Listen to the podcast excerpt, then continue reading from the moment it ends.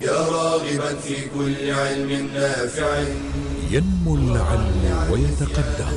بتقنياته ومجالاته. ومعه نطور أدواتنا في تقديم العلم الشرعي. أكاديمية زاد. زاد أكاديمية ينبوعها.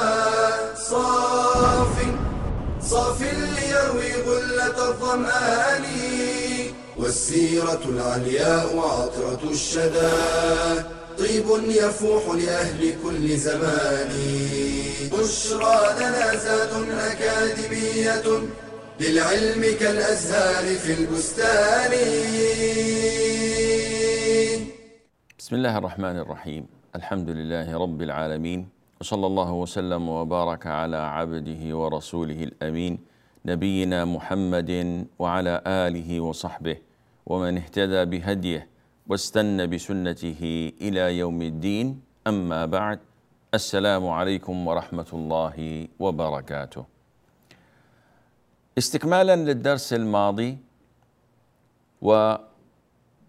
ودراسه لكيفية تعامل النبي صلى الله عليه وآله وسلم مع النساء عموما كان صلى الله عليه وآله وسلم يتفقد من الصحابيات من غابت عن مواسم الخير كما يفعل مع أصحابه من الرجال.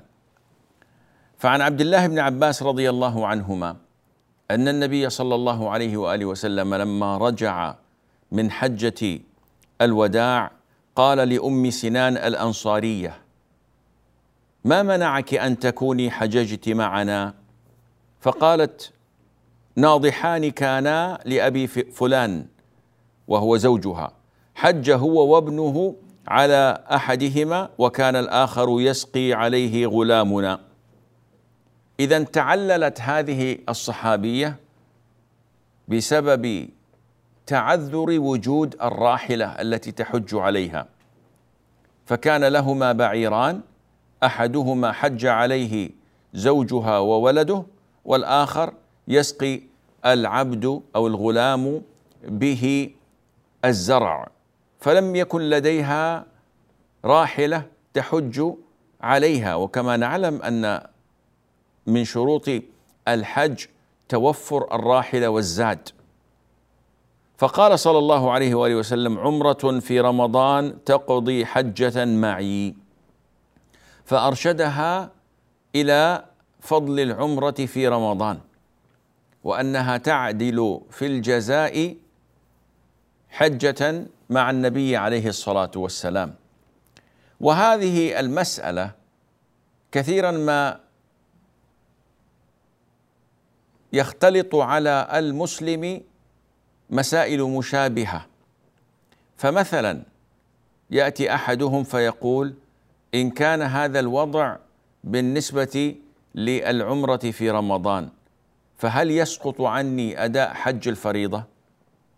ومثله قول الرسول عليه الصلاة والسلام من صلى الفجر في جماعة فمكث في مصلاه يذكر الله حتى تطلع الشمس ثم صلى ركعتين كتب له أجر حجة وعمرة تامة تامة تامة.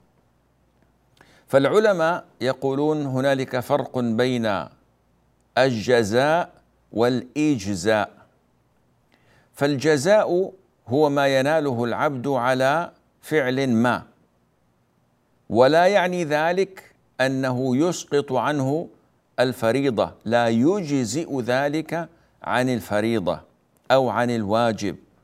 مثاله رجل نذر أن يعتق رقبة. أو آخر قتل رجلا خطأ في حادث سيارة مثلا. ونعلم أن كفارة ذلك عتق رقبة مؤمنة. فبحث ونظر فلم يجد. فقيل له من قال لا إله إلا الله وحده لا شريك له له الملك وله الحمد يحيي ويميت وهو على كل شيء قدير. كان كعتق أربعة أنفس من والد بني إسماعيل أو كما جاء في الأثر. فقال أنا أقول هذا القول ويجزي عني الكفارة. نقول له لا لك جزاء العتق لا ج... لا الإجزاء عن العتق. ومثله من نذر مثلا أن يختم القرآن. وكسل عن ذلك فقرأ سورة الإخلاص ثلاث مرات. وقال هي تعدل ثلث القرآن فالحمد لله الآن قد ختمت القرآن كاملا. نقول هذا الجزاء وليس الإجزاء. النبي عليه الصلاة والسلام كان يشفق على النساء ويراعي أحوالهن وحزنه وحزنهن ويراعي إن كان للمرأة شيء من التأثر في حدود الشرع. فكان صلى الله عليه وآله وسلم والحديث يرويه أنس بن مالك كان لا يدخل على أحد من النساء إلا على أزواجه إلا أم سليم رضي الله عنها وأرضاها فإنه كان يدخل عليها فقيل له في ذلك فقال إني أرحمها قتل أخوها معي وأخوها هو حرام بن ملحان قتل مع أصحابه بغزوة في غزوة بئر معونة. عندما كانوا يدعون قبائل نجد فجاء أحدهم بإيعاز من رئيس القبيلة وطعنه بالرمح من خلف ظهره فأنفذه من صدره فجعل يمسح الدم ويضعه على وجهه ويقول فزت ورب الكعبة رجل يفارق الدنيا وهو يقسم على أنه من الفائزين. لم يتذكر الزوجة لم يتذكر الأولاد لم يتذكر الأموال إنما فرح واستبشر بلقاء الله عز وجل شهيدا في سبيله. فكان صلى الله عليه وسلم يزور أم سليم وهي أم أنس بن مالك وزوجة أبي طلحة الأنصاري رضي الله عنهم أجمعين يرحمها. يشفق عليها لأنها إذا تذكرت أخاها ربما أصابها شيء من الوجد والحزن. كذلك النبي عليه الصلاة والسلام يقول إني لأدخل في الصلاة وأنا أريد إطالتها فأسمع بكاء الصبي فأتجوز في صلاتي يعني أخفف وأقصر منها مما أعلم من شدة وجد أمه من بكائه. سبحان الله قارن هذا بمساجدنا اليوم. الإمام صلى الله عليه وآله وسلم يخفف من الصلاة ويقصر مع الحفاظ على أركانها وواجباتها وسننها ولا يطيل وهو يعلم أن المأمومين يحبون سماع قراءته والانتفاع بها. لماذا؟ لأن طفلا بكى فيخشى على قلب أمه. وهي في الصلاة لا تستطيع أن تسكت ابنها ولا أن تعتني بحاله. قارن هذا مع مساجدنا اليوم حيث تسمع الجهلة إذا سمعوا صبيا يبكي أو يلعب قالوا النبي يقول عليه الصلاة والسلام جنبوا مساجدنا صبيانكم ومجانينكم. وهذا حديث لا يصح عن النبي عليه الصلاة والسلام ولكنه الجهل. كان عليه الصلاة والسلام يشفق على مشاعر النساء. أمنا عائشة رضي الله عنها تقول لما جاء عليه الصلاة والسلام خبر زيد بن حارثة وجعفر بن أبي طالب وعبد الله بن رواحة واستشهادهم في آه، غزوة آه، مؤتة جلس عليه الصلاة والسلام والحزن على وجهه. امنا عائشة تقول فجاءه رجل ويقول إن نساء جعفر يفعلن كذا وكذا وذكر بكاءهن فأمره أن ينهاهن. فذهب ثم أتاه ثانية وقال لم يطعن أمري. فقال انههن يعني روح مرة ثانية. ففعل فجاء فقال يا رسول الله غلبننا. فقال صلى الله عليه وآله وسلم الرجل جاء ثلاث مرات والرسول يقول انهاهن وهو حزين على ابن عمه جعفر وعلى صاحبيه وعلى حبه زيد بن حارثة. فقال الرسول عليه الصلاة والسلام فاحثوا في أفواههن التراب. نهيتهم فلم ينتهين فاحثوا في وجوههن التراب. فقالت أمنا عائشة من وراء الحجاب أرغم الله أنفك. لم تفعل ما أمرك عليه الصلاة والسلام ولم تتركه من العناء. يعني لا أنك فلحت في أنك تنهاهن ويقفن ولا أنك أنت أرحت الرسول عليه والسلام من كثرة المجيء حتى قال ما قال. هذا كله يشعرك بالعطف. الذي كان في قلبه عليه الصلاة والسلام أنه كان يقدر بكاء نساء جعفر ابن أبي طالب على ما حصل وعلى ما كان من استشهاد جعفر رضي الله عنه وأرضاه. فاصل قصير وبعدها نواصل بإذن الله فانتظرونا. بشرى أكاديمية للعلم كالأزهار في البستان.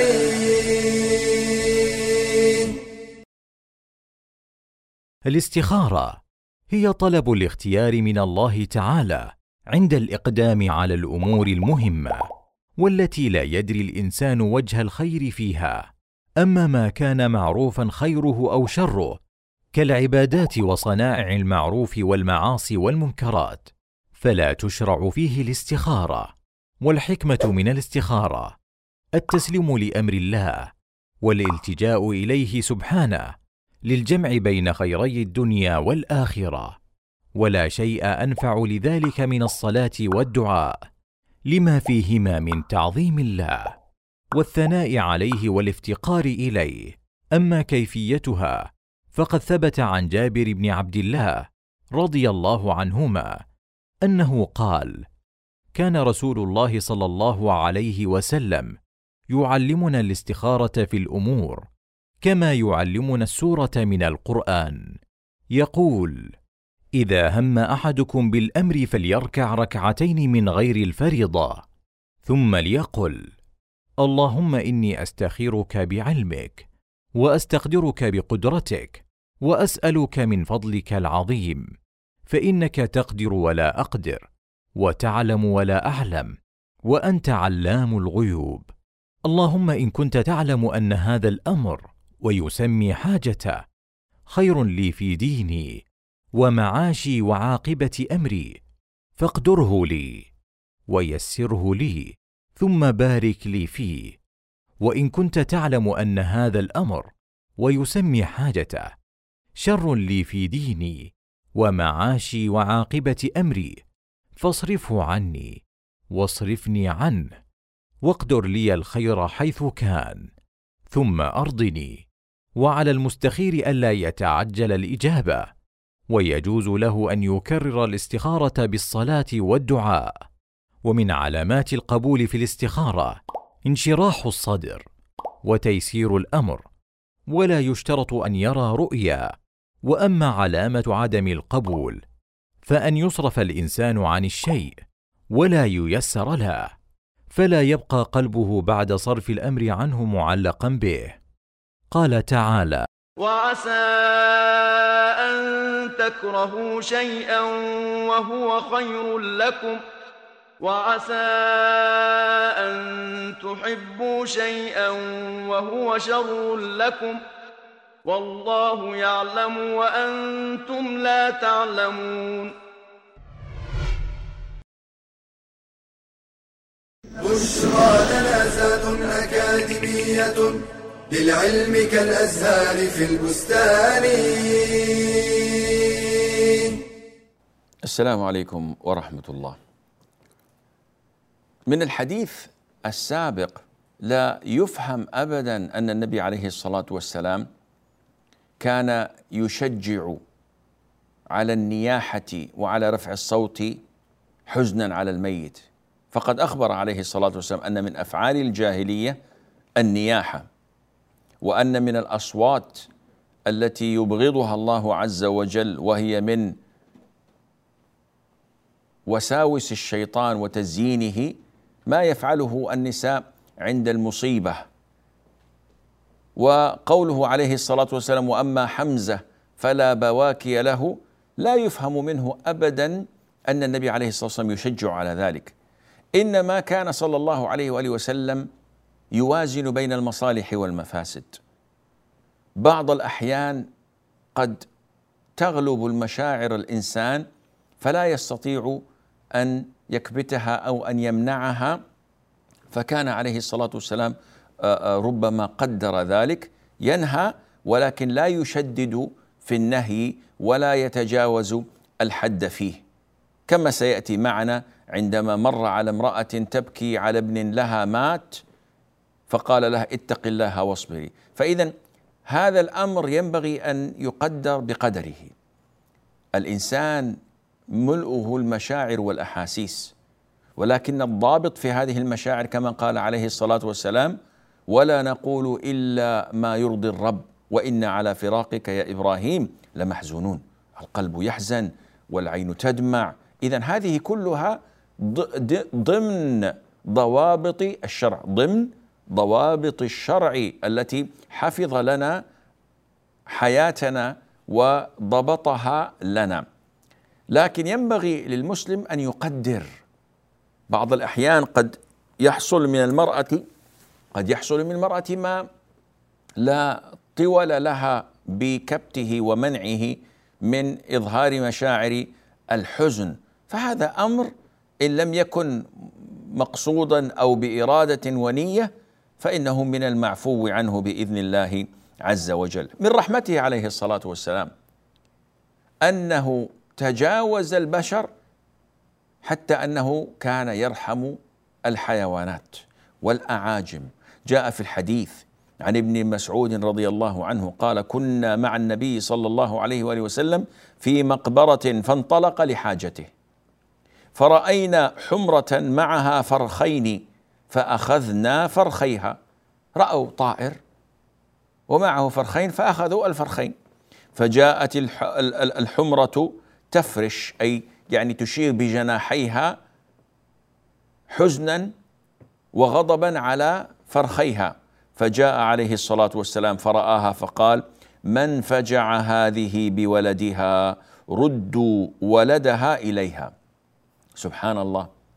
ذبح هذه الحمرة للطعام جائز وكذا فرخيها ومع ذلك من رحمته عليه الصلاة والسلام. ما استطاع أن يصبر على رؤي حزنها وفجعتها بولديها فأمر بردهما إليها. رحمة مهداة صلى الله عليه وسلم. وما أرسلناك إلا رحمة للعالمين. عناية النبي عليه الصلاة والسلام بالنساء لم تكن مقتصرة على ذوات الشأن على زوجات أصحابه على من من لها مكانة ودور في الإسلام وبين المسلمين بل كانت رحمته وشفقته وحسن تعامله مع النساء عامة. تأتيه الجارية فتقول له لي عندك حاجة. فيواعدها. فتأتيه فتأخذ بيده فتقوده في شوارع المدينة تحكي له عن مشكلتها. وفي بعض الروايات أن في عقلها شيء يعني ليست سليمة العقل. تشتكي إلى النبي عليه الصلاة والسلام والرسول يسمع ويعين ويحاول المساعدة. هذا في شأن من؟ في شأن امرأة عامة من عوام الناس. بعضنا ربما يبخل بوقته وجاهه وسمعته وماله إلا عن ذوي الشأن. إذا كان الإنسان ذو واسطة ذو مكانة أنا أخدمه وأنا أعطيه من وقتي.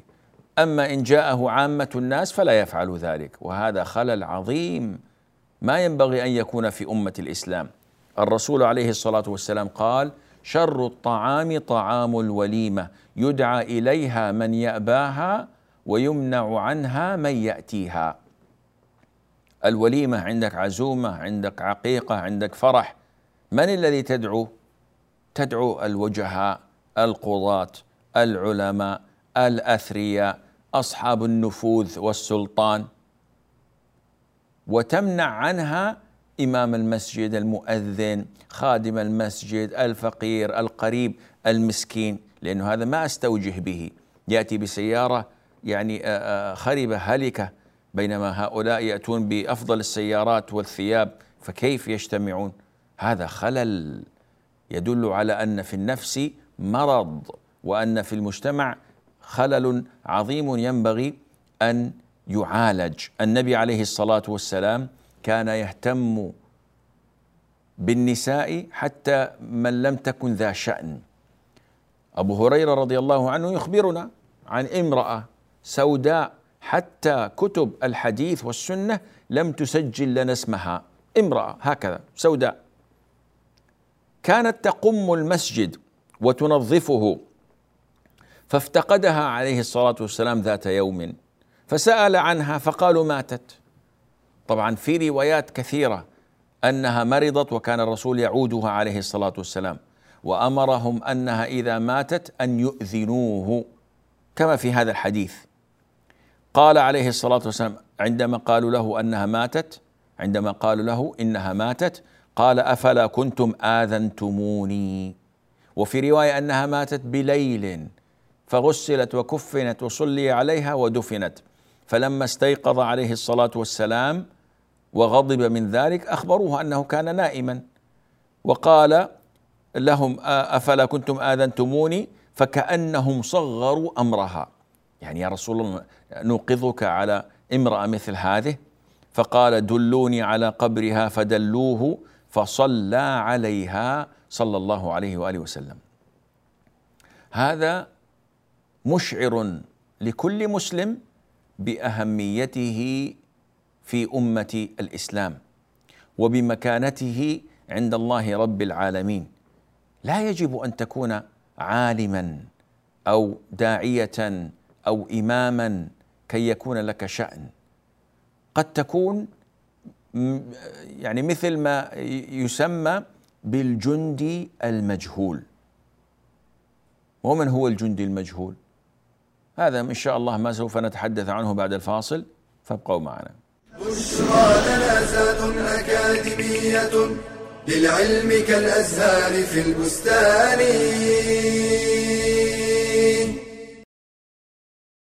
القدوة الرموز الشخصية الأسوة. جميعها مفاهيم يمكن أن تسهم في بناء الفرد أو تدميره وهي ذات أهمية كبرى وتأثير قوي لدى الشباب. ولا شك أن العاقل هو من يلتمس لنفسه قدوة حسنة ذات خلق عظيم ونهج قويم تمتلك مقومات النجاح وأسباب الفلاح فيقتدي بها ويقتفي أثرها ومهما التمس الشاب المسلم لنفسه قدوة فلن يجد خيرا من النبي صلى الله عليه وسلم ثم أصحابه الكرام رضي الله عنهم ومنهم زيد بن ثابت رضي الله عنه كلفه النبي صلى الله عليه وسلم بتعلم لغة اليهود فتعلمها وأصبح ماهرا بها في خمس عشرة ليلة. عبد الله بن عباس رضي الله عنهما اجتهد حتى جمع علما غزيرا. تناقله كل من جاء بعده. مصعب بن عمير رضي الله عنه أرسله النبي صلى الله عليه وسلم سفيرا إلى المدينة ففتحها بالقرآن. معاذ بن جبل رضي الله عنه. بعثه النبي صلى الله عليه وسلم داعيا إلى اليمن. أسامة بن زيد رضي الله عنهما. ولاه النبي صلى الله عليه وسلم قيادة جيش المسلمين لغزو الروم ولم يبلغ العشرين من عمره. وهكذا كانوا على صغر سنهم يتحملون الأخطار. ويحفظون الأسرار ويعبدون الله بالليل والنهار فكانوا خير قدوة وأروع مثال. قال تعالى والسابقون الأولون من المهاجرين والأنصار والذين اتبعوهم بإحسان رضي الله عنهم رضي الله عنهم ورضوا عنه وأعد لهم جنات تجري تحتها الأنهار خالدين فيها أبدا. ذلك الفوز العظيم. بشرى لنا زاد أكاديمية للعلم كالأزهار في البستان. السلام عليكم ورحمة الله وبركاته. الرسول عليه الصلاة والسلام بنفسه يذهب إلى المقبرة ليصلي على قبر امرأة سوداء مجهولة. كل ما يعرف عنها أنها كانت تكنس وتقم المسجد. والإسلام لم يذكر لنا اسمها ولا كتب المحدثين والفقهاء. وهذا يدلك على أن الإسلام يقدر دور الجندي المجهول. ولا أقصد بذلك ابدا. نصب الجندي المجهول الذي يوجد في البلاد الكافرة ويأتي إليه الرؤساء والزعماء ويضعون إكليل الزهور عليه ويقفون دقيقة صمت. هذا كله ما يوجد عندنا نحن معاشر المسلمين. هذا إن لم يكن من البدع المنكرة فلربما دخل في ضمن أبواب الشرك. الوقوف دقيقة صمت. كلام فارغ لا يوجد في كتب الإسلام ولا مراجعه ولم يقل به أحد من أهل العلم. ولكنه التقليد الأعمى. إن أطلقوا 21 طلقة عزاء أو تحية أو فرحا أو كذا لموت أحد أو حياته فعلنا ذلك. وقفوا عند الجند المجهول فعلوا ذلك. ذهبوا فعلوا زاروا سبحان الله. المسلم عزيز بإيمانه بقرآنه بإسلامه بحديث النبي عليه الصلاة والسلام.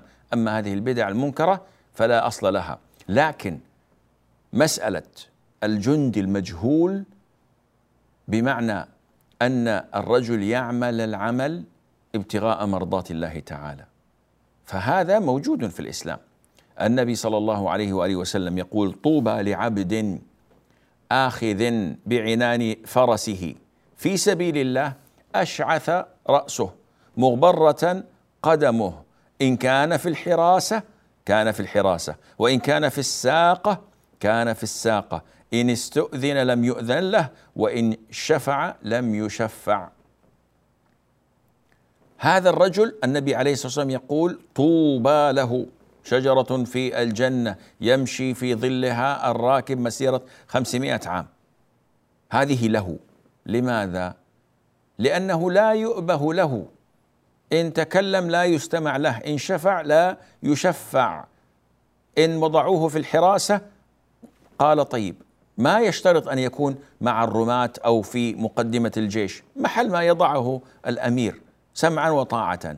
إن كان في الساقة في مؤخرة الجيش يجمع الضال من اللقطة ويرجع من خرج من الجيش وضل السبيل ما عنده مشكلة، ما يعرف لكنه عند الله عز وجل غير مجهول. كان صلى الله عليه وآله وسلم يحفظ العهد لمن قدمت له معروفا فما كان ينسى صنيع المرأة التي تحسن إليه وإلى المسلمين. جاء في الحديث أن الرسول عليه الصلاة والسلام كان في غزوة وكان معه أربعون رجلا فنفذ منهم الماء. نفد منهم الماء. فبحثوا حتى وجدوا امرأة مشركة على ناضح لها ومعها قربتان فيها ماء. فساقوها إلى النبي عليه الصلاة والسلام. طبعا امرأة ما تستطيع أن تدافع عن نفسها. فشرب المسلمون مع النبي عليه الصلاة والسلام من هاتين القربتين وتوضأ الصحابة وأحدهم كان على جنابة فاغتسل من الماء ولم تنقص قطرة من القربتين. ثم قال عليه الصلاة والسلام وأمرهم أن يجمعوا ما عندهم من طعام زائد من تمر من دقيقة من سويقة حتى جمعوا لها طعاما كثيرا. فجعلوا هذا الطعام في ثوب وحملوها على بعيرها ووضعوا الثوب بين يديها. فقال عليه الصلاة والسلام اذهبي فأطعمي هذا عيالك واعلمي أنا لم نرزأ من مائك شيئا. يعني ما أنقصنا من مائك شيئا. المرأة هذه مدهوشة من هذه المعاملة. استخدموا الماء والماء لم ينقص. ومع ذلك جمعوا لها من الطعام وأرسلوها. قال عليه الصلاة والسلام لكن الله هو الذي أسقانا. شوف الدعوة في كل شيء. حتى مع هذه المشركة يدعوها عليه الصلاة والسلام بطريقة غير مباشرة كي تفكر وتتأمل بكل إحسان. تقول الرواية فكان المسلمون بعد ذلك يغيرون على من حولها وقومها من البيوت ويتركونهم.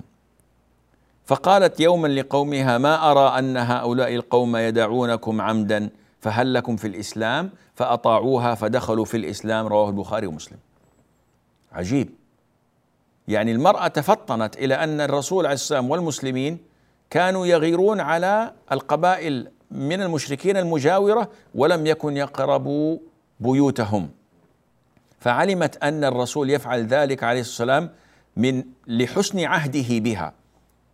يعني امتنانا للمعروف وأنها أعطتهم من مائها الذي لم ينقص منه شيء فالرسول كان يحفظ هذا المعروف. انظر إلى إحسانه ووفائه الذي تعدى المرأة ليصيب قومها؟ وكيف؟ أن المعاملة والكلمة الحسنة لها من التأثير أبلغ من مئات الخطب. دخلت الإسلام بسبب معاملته عليه الصلاة والسلام. وكم من الناس نفروا وتركوا الإسلام بسبب غلظتنا وجفاء التعامل معهم. قال عز من قائل فبما رحمة من الله لنت لهم ولو كنت فظا غليظ القلب لانفضوا من حولك. صلى الله عليه وآله وسلم كان ينكر المنكر إذا رآه وهذا واجب على كل مسلم. من رأى منكم منكرا فليغيره بيده فإن لم يستطع فبلسانه فإن لم يستطع فبقلبه وذلك أضعف الإيمان. لكنه كان ينكر برفق ولين. عن أنس رضي الله عنه أن النبي صلى الله عليه وسلم مر بامرأة تبكي عند قبر على صبي لها. فقال اتق الله واصبري. فقالت المرأة إليك عني فإنك لم تصب بمصيبتي ولم تعرفه. امرأة تبكي وتنوح وتنحر نفسها فردت بهذا الرد. فتركها الرسول عليه الصلاة والسلام ومشى. وبعد أن مشى قيل لها ألم تعرفينه؟ إنه النبي صلى الله عليه وسلم. فأخذها مثل الموت. يعني جاءتها مصيبة أعظم من مصيبة فقدها للولد. فأتت الرسول عليه الصلاة والسلام فلم تجد عند عند بابه بوابين. فقالت يا رسول الله لم أعرفك. يعني أنا جيت أعتذر. أنا صبرت الآن. أنا خلاص هديت. فقال عليه الصلاة والسلام موضحا لها الحكم الشرعي إنما الصبر عند عند الصدمة الأولى. وإذا الرسول عليه الصلاة والسلام أمرها في البداية بالصبر فعندما لم تصبر تركها. فلما جاءته وقد هدأت بين لها الحكم الشرعي لأنه ما يستطيع أن يقول لها خلاص دام صبرت انتهى الموضوع. لا لابد أن يبين لها الحكم الشرعي لأن هذا تشريع لها وللأمة. ولذلك الصبر الجميل هو الذي لا شكوى معه. لا بد من الصبر وعدم النياحة وعدم التسخط. ولذلك قيل إن العاقل لا يفعل عند المصيبة ما يفعله الأحمق بعد شهر. كان عليه الصلاة والسلام يقبل الهدية من الصحابيات. أم سليم بعد زواجه عليه الصلاة والسلام أرسلت له طعاما من تمر وسم وسمن وأقط فاتخذت حيسة وأرسلته فقبله عليه الصلاة والسلام. امرأة تأتي النبي عليه الصلاة والسلام ببردة منسوجة وتقول نسجتها بيدي فجئت لأكسوكها فيقبلها عليه الصلاة والسلام. امرأة أخرى تأتي إلى الرسول وترى ما يفعله في الجمعة فتأمر غلاما لها أعجمي فيصنع لها نجارا يصنع لها المنبر الذي يصلي عليه بعد ذلك عليه الصلاة والسلام وتقدمه إليه فيقبل ذلك. كان صلى الله عليه وآله وسلم يزور المرضى كما جاء في حديث عن أم السائب وعن أم العلاء عندما كان يزورهن عليه الصلاة والسلام وهن في الحمى ويدعو لهن وربما سبت إحداهن الحمى فنهاها عن ذلك وأخبرها أنها حظ المؤمن من نار جهنم. ولذلك كان إذا مرض أحد قال له طهور إن شاء الله. أي أن هذا يطهرك من الذنوب قبل أن تطهر بنار جهنم يوم القيامة. نسأل الله لنا ولكم العافية. اذا النبي صلى الله عليه وسلم بالجملة كان يحسن معاملة النساء وكما جاء رفقا بالقوارير. هذا والله أعلم ونسبة العلم إليه أسلم. وصلى الله وسلم وبارك على نبينا محمد وعلى آله وصحبه أجمعين. يا راغبا في كل علم نافع متطلعا لزيادة الإيمان وتريد سهلا النوال ميسرا يأتيك ميسورا بأي مكان. زاد زاد أكاديمية ينبوعها صاف صاف ليروي غلة الظمآن. والسيرة العلياء عطرة الشدى. طيب يفوح لأهل كل زمان. بشرى لنا زاد أكاديمية للعلم كالأزهار في البستان.